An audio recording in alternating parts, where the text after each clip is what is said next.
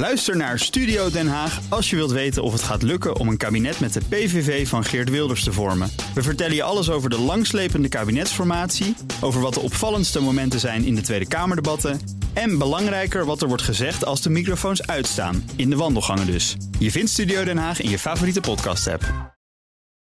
BNR Bouwmeesters wordt mede mogelijk gemaakt door Bouwend Nederland. De bouw maakt het. BNR Nieuwsradio. BNR Bouwmeesters. Jan Postma. Oude gevangenissen gaan dicht en worden massaal omgebouwd voor andere functies. Eerst voor noodopvang, maar ja, die vluchtelingenstroom die neemt af. Je kan er ook permanente vluchtelingenopvang van maken of een creatieve broedplek. Ja, alles kan eigenlijk. Maar wat kan je nou op lange termijn met zo'n enorme betraliede kolos? Welkom bij BNR Bouwmeesters voor bedenkers, bouwers en bewoners. Te gast Carolien Schippers, manager huisvesting bij het COA. Pieter Dijkmeester, programmadirecteur van het Rijksvastgoedbedrijf. En hij zit in onze studio in Den Haag. En Arne Peters, architect bij TPAHG Architecten. En verantwoordelijk onder andere voor de ombouw van de gevangenis op het voormalig Oostereiland in Hoorn. Uh, Arne Peters die P die uh, staat voor Peters, denk ik, hè? in uh, TPAGH. Dat is uh, correct. ja, welkom alle drie. Um, veel ontwikkelingen rond oude gevangenis op dit moment. Sommige heel klassiek en zou je zelfs kunnen zeggen van eigenlijk gewoon hele mooie gebouwen. sommige zijn ook vreselijk lelijk. Nou werkt u alle drie met gevangenissen. Wat is nou de parel uh, van Nederland? Dan moet ik wel met de architect beginnen natuurlijk, meneer Peters. Nou, ik uh, denk het Oostereiland in Hoorn. Die u toevallig zelf heeft herontwikkeld? Nou, het is uh, destijds een project van architect Rijksbouwmeester Metselaar geweest. En ook in Leeuwarden staat een vergelijkbaar... de Blokhuispoort. Juist. Ja. En, daarnaast is natuurlijk de koepelgevangenis in Haarlem en in Breda zijn natuurlijk ook prachtige okay, voorbeelden. Je kunt eigenlijk bijna niet kiezen als ik het zo hoor. Uh, Pieter Dijkmeester van het Rijksvastgoedbedrijf. Wat is uw uh, pareltje? Kiezen is moeilijk, hè? Het zijn allemaal kinderen van je natuurlijk. maar de drie koepels zijn toch wel hele bijzondere gevangenissen. En die zijn ook heel typisch voor Nederland. Die vind je weinig uh, op andere plekken. Is er nou ook nog een koepelgevangenis die er echt bovenuit steekt in figuurlijke zin? Nou, ze lijken eigenlijk in hun opzet best wel op elkaar. Uh, die monumentale koepel en daaromheen een aantal bijgebouwen. Maar wat je vaak ziet is dat het gebouw mede wordt bepaald door wat er omheen staat. En daarom is Haarlem toch weer anders dan Breda en toch weer anders dan Arnhem. En uh, een beetje afhankelijk van je smaak uh, is er dan een het mooiste. Ik vind Breda erg mooi omdat het zo pats in die stad uh, ligt. Ja, inderdaad. Nou, dan houden we het uh, voor nu even op Breda. En Carolien Schippers van het COA. Ik kan me voorstellen dat u op een hele andere manier ook naar die gevangenissen kijkt. Maar als u puur naar esthetiek kijkt, is er dan eentje van u zegt... nou, die vind ik wel echt uh, heel mooi. Nou, ik ben het eigenlijk wel eens met de meeste sprekers dat de koepels inderdaad uh, echt prachtig zijn. Maar uh, wij hebben toevallig ook een uh, gevangenis gekocht in Doggershoek in Den Helder. En, um, en dat is moderne architectuur, maar die is ook uh, echt, uh, ja, echt wel een beauty eigenlijk. Ja, en wat maakt dat dan een beauty? Want veel moderne gevangenissen die ik dan zie, dan denk ik van nou, dat is toch een beetje saai allemaal. Ja, dit is wel een bijzonder gebouw, vind ik. Om, vooral omdat hij ook in zijn afwerking heel erg uh, ja, mooi is gedaan eigenlijk. He, dus ook nee, de plafondafwerking en eigenlijk in alles wat erin zit. Dan ook, kwalitatief en het ziet er ja, gewoon mooi uit. Ja, prachtige buitenruimte.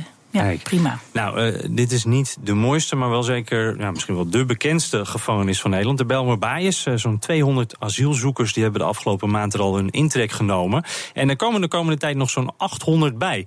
Het uh, COA transformeerde de roemruchte gevangenis razendsnel tot AZC. Verslaggever Elvanie Toulaar kreeg een rondleiding van vastgoedregisseur Marco de Wild. Ja, wat je nu dus nog ziet zijn lage muurtjes. Dat waren muren van 5 meter hoog. Verder is het meer open geworden. Hekken zijn verdwenen. Dus echt alle detentiemiddelen zijn er eigenlijk af. Behalve dan die tralies? De tralies, maar die hebben ook nog een andere functie en dat is ook een zonwerende functie. Was dit ook de hoofdingang waar we nu doorheen lopen? Die uh, nee. vriendelijk openstaande uh, deuren? Nee, de hoofdingang was eigenlijk aan de andere zijde. We hebben hem nu aan deze zijde uh, weer in eer hersteld, want hier zit nu de metro. De andere zijde is meer gericht op auto en ja, dat hebben onze bewoners niet. Wat maakt de gevangenis geschikt als AZC? Er zitten heel veel voorzieningen in. Uh, ze zijn geschikt om in te wonen. Dus uh, maakt het voor ons ook op zich best makkelijk om te transformeren. Maar wat maakt een gevangenis niet geschikt? Wat is ja. het eerste wat je moet veranderen? Ja, je moet omgekeerd gaan denken. Uh, dus eigenlijk alles draait de andere kant op. We hebben deuren moeten omdraaien. We hebben tralies verwijderd. Uh, we hebben hekwerken. Alles dat soort dingen hebben we allemaal verwijderd. Daardoor kan je het weer leefbaar maken. Ja, want hier staan we bijvoorbeeld op de Kalverstraat. Een gigantische, hele grote gang. Hier liepen vroeger de, de detineerden liepen hier rond. De kleurige muurschilderingen zie je nog. Nou, die zijn eigenlijk best vrolijk. Het is nog wel een beetje kaal. Ja, er komen nog zitjes in, zodat het toch wat meer levendigheid krijgt. Want ja, nu is het echt een kale vlakte. Uh, dan hebben we op de eerste en tweede verdieping hebben we wat grotere kamers. Dus de gezinskamers. Dat kunnen we ook hier wel even zien. Kijk, hier hebben we dan uh, keukens uh, erbij gemaakt. Twee elektrische kookplaatjes. Ja. Twee magnetrons. Twee afzaagkapjes. Die verhoudingjes. Ruikt er best lekker. Ja. Ik loop even naar binnen. Hier kan één iemand gaan wonen. Ja. Dus je ziet het, een tv'tje, een, uh, een eigen bed, wat kastjes, koelkastje, eigen toilet, eigen wastafel, ja. Is hier nou veel veranderd? Uh, nou, met name het schilderwerk. En die deur is uh, omgebouwd. Er zat dus een, een luikje in, waar ze in de gaten konden worden gehouden. Dat is er allemaal afgehaald. Dus, en dan staat hier nog op een deur urinecontrole, maar dat, bordje kan eraf. Dat is, dat is oud zeer, zullen we maar zeggen. Dat wordt nu gebruikt als bezemkast. Als bezemkast nu. Ja, de nieuwe bezemkast. Uh, bent u nou benieuwd uh, hoe dat eruit ziet, zo'n zo'n nieuwe verbouwde cel... wat dus eigenlijk niet meer een cel is? Dan kunt u kijken op bnr.nl slash bouwmeesters. Uh, Caroline Schippers, we horen ook in de reportage... de tralies zitten er nog op als zonwering, dus die hebben wel een goede functie. we horen ook dat bordje wat er dan nog zit. Ik kan me wel voorstellen dat ook voor het doel waarvoor u die gevangenissen gebruikt... je wil dat gevangenisgevoel er wat uithalen, toch? Hoe doe je dat? Ja, dat is zeker uh, voor ons uh, een heel belangrijk punt natuurlijk. Ik, ik weet, uh, nou, ongeveer drie jaar geleden, toen hebben we de eerste gevangenis opgepakt. Toen was ik ook eigenlijk net nieuw in deze functie bij het COA. En toen hebben we een heel uitgebreide discussie gehad of we überhaupt een gevangenis moesten gebruiken voor vluchtelingenopvang. Want dat is precies eigenlijk niet wat we hier willen natuurlijk. Hè. We willen hier een gastvrij en welkom land zijn. En ook zorgen dat nou ja, de, de vluchtelingen zich welkom voelen. Dus voor ons is het heel erg belangrijk om inderdaad juist dat gevangenisgevoel eraf te halen. Dat zit voor een heel groot deel in de deuren.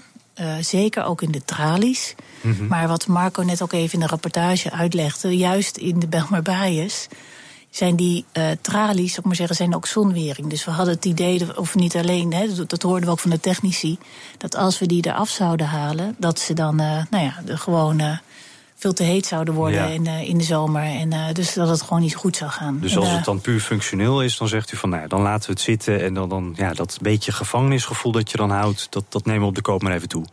Ja, en de Belmar Baaiers, dat, uh, die kunnen we maar kort gebruiken. Die wordt straks in de verkoop gegooid. Dus die gebruiken we ook maar voor anderhalf jaar. Uh, en we kijken natuurlijk ook wel weer anders naar een pand op het moment dat we hem voor 10 of 15 jaar gaan gebruiken. Mm. Want uh, hoeveel gevangenissen worden op dit moment gebruikt als opvanglocatie? Uh, ik ben het tel af en toe een beetje kwijt, maar een stuk of twaalf, denk ik, op dit moment. He, waarvan de drie koepels dus. maar ook nou ja, gevangenis in Hogeveen en Doetinchem en nou ja, de Heergewaard, Den Helder. Dus we hebben, ja. we hebben er aardig wat. Zitten er bijna op 12 inderdaad. Nou neemt die vluchtelingenstroom die, die neemt af. Wat betekent dat voor de gevangenissen die nu nog voor opvang gebruikt worden? Um, we hebben een paar definitiever in uh, gebruik genomen. De kortdurende, vooral de koepels eigenlijk, uh, die zijn we aan het afbouwen nu. De noodopvanglocaties zijn we overal in het land aan het af afbouwen en deze ook. Um, maar de langdurige, zoals uh, nou ja, Heergewaard, uh, Den Helder, die blijven we gewoon, uh, die behouden we gewoon. En ja, wat dat betreft is de vluchtelingenstroom altijd ongelooflijk grillig. Dat zien we, hebben we afgelopen jaar gezien. En dat, nou ja, dat toont de geschiedenis eigenlijk ook wel weer aan. Dus we moeten altijd ook rekening houden dat het ieder moment weer anders kan zijn. Zegt u dan ook voor de komende jaren, het kan dan nu wat afnemen, maar wij houden wel een aantal bedden in reserve. Wij zorgen dat we ruimte hebben? Ja, we hebben een heel uh, nou ja, plan, zou ik maar zeggen, natuurlijk om onze vastgoedportefeuille goed op orde te hebben. Uh, en daar zit ook. Uh, ja, er zitten mogelijkheden in om snel af te bouwen, maar ook weer snel op te schalen. Ja, um, in Den Haag zit uh, Pieter Dijkmeester van het Rijk, Rijksvastgoedbedrijf. Um, ja, ik, ik, hoor als die vluchtelingenstroom dus wat, uh, wat minder wordt en, en als er ook nou, wat minder plekken nodig zijn, dan komen. En, en veel van die contracten zijn sowieso al, al tijdelijk. dus dan komt u toch met een aantal gevangenissen waar u nog een nieuwe functie voor moet zien te vinden, of een nieuwe koper. Zeker, dat klopt. Uh, dat zijn er Behoorlijk wat. hoeveel In totaal gaan, praten we over enkele tientallen, misschien wel dertig locaties die vrij gaan komen. Dat gebeurt in een periode van ongeveer vijf jaar, waarin DEI, hè, dus het gevangeniswezen, eigenlijk toegroeit naar een nieuwe huisvestingssituatie. En in die tijd gaan wij iedere keer met zo'n locatie op zoek naar een nieuwe bestemming. Ons eerste doel als Rijksvastgoedbedrijf is natuurlijk om de verschillende Rijkspartijen te helpen met hun doelen in huisvesting. Hè. Dus wij zijn natuurlijk heel blij dat we het COA, die ineens voor al die problemen stond, uh, konden helpen. Uh, een handje konden helpen met, met deze ruimtes. Het geeft ons ook wat tijd om verder voor te bereiden hoe we op de lange termijn met de gevangenis om willen gaan. Maar daar zijn we natuurlijk wel druk mee bezig, ja, dat klopt. En hoe bereidt u zich daar dan op voor? Want de, de, de nou, vraag naar cellen blijft ook afnemen natuurlijk. Dus ik kan me voorstellen dat u al aanziet komen dat u toch heel wat meer vastgoed moet gaan verkopen. Ja, het is niet alleen gevangenissen overigens. Je ziet dat de hele Rijksportefeuille een beetje aan het afnemen is. Uh, dus we zijn op een vrij breed vlak bezig om uh, vastgoed te vervreemden. Uh, dat gaat eigenlijk steeds beter. We hebben natuurlijk de vastgoedcrisis voor een groot deel achter ons gelaten. En je ziet echt de verkoop optrekken. Dus minister Blok, die dit doet, die is daar ook echt tevreden over in het tempo waarin dat gaat.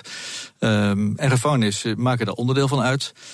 Iedere gevangenis is eigenlijk anders. Dus je kunt niet spreken van één aanpak hoe je dat doet. Een gevangenis is een eigen gebouw op een eigen plek met een eigen omgeving. Maar tot nu toe is het wel steeds gelukt om voor die gevangenis een toepassing te vinden die passend is. En dat doen we altijd heel nauw samen met de gemeente. Want de gemeente moet natuurlijk uh, bepalen wat er gebeurt in het kader van uh, het bestemmingsplan.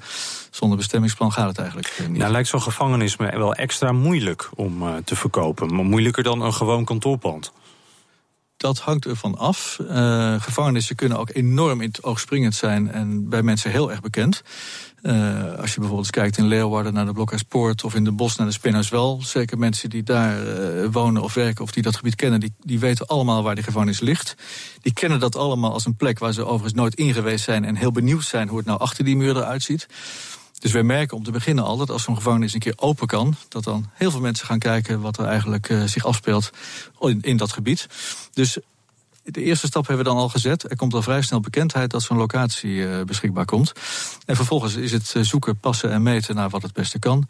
Zoeken, passen, meten wat de buurt ook aan zou kunnen. En welke partijen dat op zich zouden willen nemen. Ja, en laten we dan eens kijken op wat voor manier dat allemaal kan. Een bioscoop, een hotel of een museum. Het kan misschien allemaal wel met een gevangenis. BNR Nieuwsradio. BNR Bouwmeesters. Een moderne gevangenis is eh, relatief makkelijk om te bouwen tot vluchtelingenopvang. Maar wat kunnen we met die historische gevangenissen, met de monumentale status en ook op de lange termijn? Daarover praat ik verder met mijn gasten. Carolien Schippers, manager huisvesting bij het COA. Piet Dijkmeester, programmadirecteur van het Rijksvastgoedbedrijf. Hij zit in onze studio in Den Haag. En Arne Peters, architect bij TPAHG Architecten. En die zijn verantwoordelijk voor de ombouw van de gevangenis op het voormalig Oostereiland in Hoorn. Uh, meneer Peters, die, die voormalige gevangenis is, is echt omgebouwd tot iets multifunctioneels. Wat, wat, hoe kunt u omschrijven, wat is dat nou precies geworden nu? Uh, je moet het zo zien, het is een, uh, een uh, is een soort schiereiland. E, een van de eerste deltawerken in Nederland trouwens. bij de ingang van de haven van Horen, drie hectare groot. Daarop staat een gebouw van 10.000 vierkante meter. Opgebouwd uit verschillende volumes. En uh, je gaat dan uh, bij het herbestemmen van een gebouw... Uh, nou, de, de, de plek is natuurlijk belangrijk. In, in ons geval ligt het Oostereiland dus in het centrum van Hoorn. Ideaal. Kan dus iets toevoegen aan het culturele leven onder andere. De, de, je kijkt naar de structuur van het gebouw.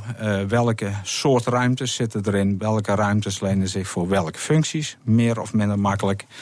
En uh, ja, bestemming speelt ook mee natuurlijk. Mm -hmm. En uh, nog belangrijk, uh, om even op jouw vraag terug te komen... de monumentale waardes aan het pand. Dus bijvoorbeeld tralies, waar net al over gesproken werd.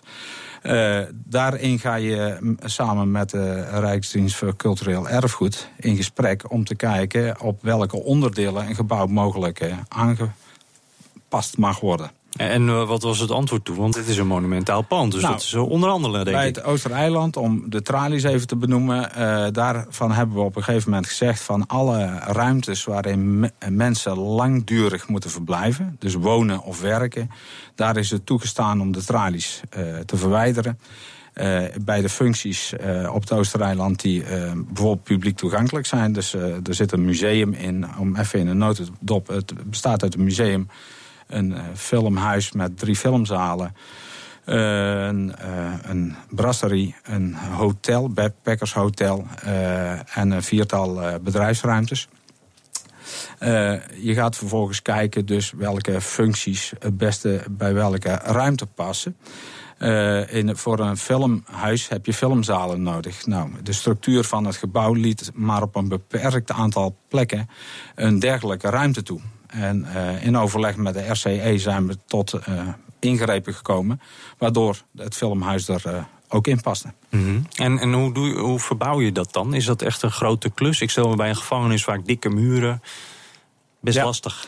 Uh, nou, je, je, je begint ermee om eerst het uh, hele complex uh, goed in kaart te brengen. Dus gebreken op te nemen. En tekeningen die, die je kunt gebruiken. Vervolgens kijk je naar de gebruiksmogelijkheden. Dus een museum heeft bijvoorbeeld een vloerbelasting van 1000 kilo per vierkante meter dan ga je het gebouw bestuderen op welke plekken het gebouw dat toelaat of welke aanpassingen dan nodig zijn. Hm. Belangrijker is om natuurlijk eerst te komen überhaupt tot een programma van gebruikers die daar in zouden willen. In het geval van het Oostereiland was het zo dat de gemeente op voorhand al bij de ontwikkeling een, uh, een, een aantal gebruikers uh, graag daar gehuisvest wilde hebben. En dan kom ik uh, ook weer even bij Pieter Dijkmeester. Uh, je kan natuurlijk hele wilde plannen hebben voor zo'n gebouw. Maar ik kan me voorstellen, die bestemmingen. Ja, het mag niet altijd. Waar, waar liggen nou de beperkingen voor zo'n uh, gevangenisgebouw? Wat sommige mensen zouden willen met uh, zo'n gevangenis mag zeker niet altijd. Eigenlijk is het zo dat uh, als we beginnen met zo'n proces er helemaal niks mag behalve een gevangenis. Zo zit het vaak in elkaar. Dus wat we als eerste doen uh, als het een kwestie van uh, verkopen wordt, is met de gemeente bekijken wat voor mogelijkheden zien jullie. Uh, en daar spreken we dan samen over om hier nieuwe bestemmingen aan te geven. En wat we dan proberen is om op zijn minst op hoofdlijnen daar uh, afspraken over te maken. Bijvoorbeeld, er zou hier een woonfunctie kunnen komen, er zou hier een culturele functie kunnen komen, of er zou hier een werkenfunctie kunnen komen. En als je dat op een of andere manier kunt vastleggen in de nota van uitgangspunten, zoals het heet, of zelfs in een bestemmingsplan, dan kun je vervolgens met kopers aan de slag uh, om eens te kijken, kunnen er plannen gemaakt worden en uh, zijn jullie bereid om dit voor een bepaald bedrag te kopen. Maar het moet wel in die volgorde.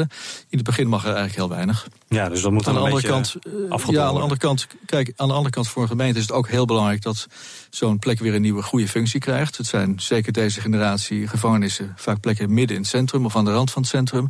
Dus voor een gemeente ontzettend belangrijk dat dat goed functioneert en dat daar een goede stedelijke functie uh, voor komt. En dat blijkt vaak toch een mix van wonen, werken en, en cultuur uh, te zijn. Ik, afsluitend, vindt u de, de, de plannen die, die worden ingediend, zijn die origineel genoeg? Mag misschien wel wat gekker? Of, dat wisselt eigenlijk. Ik denk als het een moeilijke locatie is, moet je soms gekke plannen maken om er iets goeds van te maken. Maar als het een hele mooie binnenstedelijke locatie is met een hoog monumentaal gevangenis, dan zou ik zeggen, maak de plannen niet te gek. Maar zorg wel dat de inhoud te gek is, zodat mensen er graag komen, maar kunnen blijven genieten van, uh, van het hele moois wat al eerder ontworpen is. Arne Peters, even kort uh, daarmee eens? Absoluut. Ja. Carolien Schippers ook. Ja, zeker. ik zie u wel knikken. Kijk, en, en, om daar misschien nog even aan toe te voegen. Ja. Er zijn ook voorbeelden waarin het eigenlijk echt niet lukt om het uh, te behouden. Ik denk dat dat voor de Bijlmerbaaiers ook gaat gelden. Uh, en er zijn dus ook met de gemeente afspraken gemaakt... dat als in de planvorming blijkt dat het moeilijk wordt om uh, het in de bestaande situatie te handhaven, omdat het moeilijke gebouwen zijn die bovendien vol met asbest zitten, enzovoort, enzovoorts.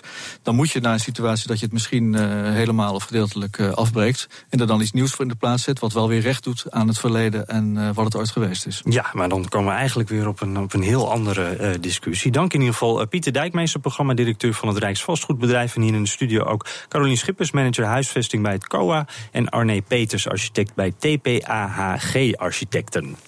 Kopen of huren? Herken ik een betrouwbare makelaar? Waar vind ik een goede klusjesman? Weet je wat? Ik vraag het Fred.